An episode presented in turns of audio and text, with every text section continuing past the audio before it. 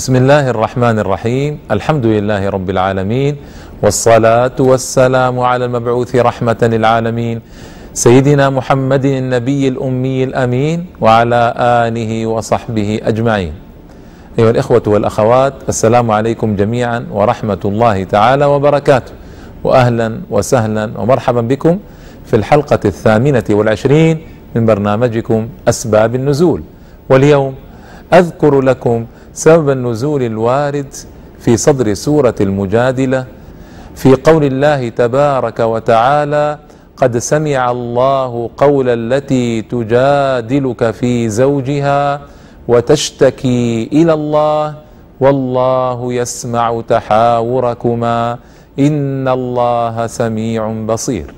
تقول عائشة رضي الله تبارك وتعالى عنها حاكية ما جرى بين خولة بنت ثعلبة وأوس بن الصامت رضي الله تعالى عنهم جميعا تقول تبارك الذي وسع سمعه الأصوات. وفي رواية تبارك الذي وسع سمعه كل شيء جل جلاله. إني لفي الغرفة التي تجاور الغرفة التي فيها رسول الله صلى الله عليه وسلم وخولة تشتكي إليه زوجها. وإني لأسمع حديثها ويخفى علي بعضه. الله أكبر. وقد سمع الله تعالى حديثها من فوق سبع سماوات. تقول لرسول الله صلى الله تعالى عليه وسلم يا رسول الله أبلى شبابي ونثرت له بطني حتى إذا كبرت سني وانقطع ولدي ظاهر مني اللهم إني أشكو إليك. الله أكبر. وذلك أن زوجها أوس بن الصامت رضي الله تعالى عنهما ظاهر منها. ومعنى ظاهر منها أي قال لها أنت علي كظهر أمي. أي أنت محرمة علي كما أن أمي محرمة علي. فجاءت المرأة تشتكي إلى رسول الله صلى الله تعالى عليه وسلم ذلك وتطلب أن ينصفها الإسلام وأن ينزل الله تعالى فيها شيئا. وهذا الذي جرى فأنزل الله تبارك وتعالى قد سمع الله قول التي تجادلك في زوجها وتشتكي إلى الله. في هذه الآية يظهر بوضوح عظمة الإسلام وكمال شرائعه وجوده هذا الدين الجليل وأنه صالح إلى أن يرث الله تعالى الأرض ومن عليها. وذلك أن الله تبارك وتعالى لم يرضى من فوق سبع سماوات بظلم أوس لهذه المرأة الكبيرة في السن. لم يرضى أن تظلم ابدا. فأنزل الله تعالى آيات تتلى في كتابه خالدة إلى يوم القيامة. تبين الحكم الشرعي في الظهار وتبين أيضا أنه لا ينبغي فعله ولا صنيعه وتشدد فيه كل التشديد وتطلب من المؤمن أن يكفر عما بدر منه وأن يعود إلى زوجه. وأن لا يعذبها بهذا الذي صنع من ظهارها من ظهارها وأن يتوب إلى الله تبارك وتعالى من ذلك الصنيع. هكذا الإسلام أيها الإخوة والأخوات لا يترك شارده ولا واردة إلا تناولها. هذه المرأة شعرت بالظلم وشعرت بالغبن فجاءت تشتكي إلى رسول الله صلى الله عليه وسلم. والإسلام العظيم نزل كاملا في كل جوانبه. لا يرضى بظلم جنس ولا نوع ولا فرد ابدا. فالمرأة فيه معززة مكرمة منزلتها عالية. وفي الجاهلية كانوا يؤذون المرأة إيذاء شديدا فكان بعضهم يظاهر منها مظاهرة الأبد وكان بعضهم يطلقها حتى إذا قاربت عدتها على الانقضاء يرجعها ثم بعد ذلك يطلقها ثم إذا قاربت عدتها على الانقضاء يرجعها فتظل هكذا أبد الدهر. والعياذ بالله. فالمرأة في الجاهلية كانت تعامل معاملة المتاع وكانت مظلومة.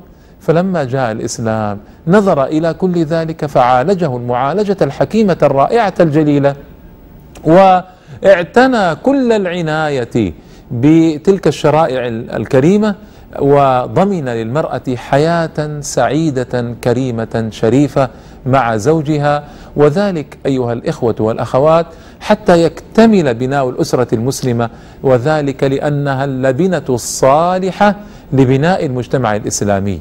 إن الإسلام ينظر ويرغب ويتطلع إلى الأسرة المستقرة الآمنة الهادئة التي تجري شؤونها على نسق منظم. على أمور ترضي الله تعالى ورسوله صلى الله عليه وسلم. الإسلام ينظر إلى الأسرة على أنها عماد المجتمع، فلنحرص جميعا على إبقاء عرى الأسرة قوية متماسكة، وذلك أنه آه، الأولاد في أمس الحاجة لأن ينشأوا في ظل أسرة وارفا وارف ظلالها آه، متين بناؤها. آه، مشتدة أحكامها آه، ليس فيها نزاع بين الرجل والمرأة نزاعا ظاهرا نزاعا متصلا دائما. ويحرص الإسلام العظيم على قطع كل أسباب النزاع وعلى قطع كل الأسباب التي تؤدي إلى الطلاق وإلى تدهور الأسرة وإلى تفريق شملها وإلى أن يكون الأولاد آه، مشردين مفرقين ليس لهم آه، بيت يجمعهم ولا والد ووالدة آه، تحنو عليهم. هذه قضية مهمة لابد أن نفهمها. ذلك أنه في هذا العصر قد كثر النزاع بين الأسر وكثر الطلاق وشكاوى الطلاق والمحاكم مليئة بها والخلع والنزاع. هذه مليئة آه، في هذا العصر. فما ينبغي هذا خاصة في هذا الدين العظيم. هذا الدين الذي أحكم أساسه وكان آه، كل شيء فيه متينا قائما على أسس وقواعد. فما ينبغي اليوم أن يحصل ظلم للمرأة أو أن تظلم المرأة زوجها. وهذا كله أيها الإخوة الكرام مرتبط بالدين.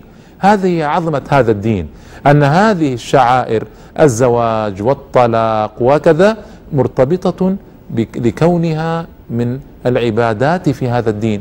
فإذا أحكمناها وراعينا الله تعالى فيها فإنه يحسب لنا من أجل الشيء الكثير. وإذا كنا لا مبالين تجاهها وظلمنا المرأة أو أن المرأة ظلمت الرجل فإنه يترتب على ذلك وزر وإثم والعياذ بالله. هذا الله تبارك وتعالى سمع شكوى المرأة وأنزل فيها قرآن يتلى إلى يوم القيامة علاجا لمشكلة اجتماعية قائمة. فما أحرانا اليوم أن يلتفت كل منا إلى بيته. إلى زوجه. الزوج تلتفت إلى زوجها والزوج يلتفت إلى زوجه ويبنيان معا عشا سعيدا وأسرة كريمة شريفة وينتجان من الأولاد ما يكونون شامة في جبين الزمان وما يكونون غرة في الدهر وأن يعودوا جميعا إلى الحق وإلى الشرع الإسلامي وأن يكونوا لبنة صالحة في المجتمع الإسلامي. أسأل الله تعالى بأسمائه الحسنى وصفاته العليا أن يحفظ علينا أسرنا وعوائلنا وأن يحفظ علينا أزواجنا وأولادنا. إنه ولي ذلك والقادر عليه. هذا والله تعالى أعلم وأحكم. وصل اللهم وسلم وبارك على نبينا محمد وآله وصحبه أجمعين. والى اللقاء إن شاء الله تعالى في حلقة قادمة من برنامجكم أسباب النزول والسلام عليكم ورحمة الله تعالى وبركاته.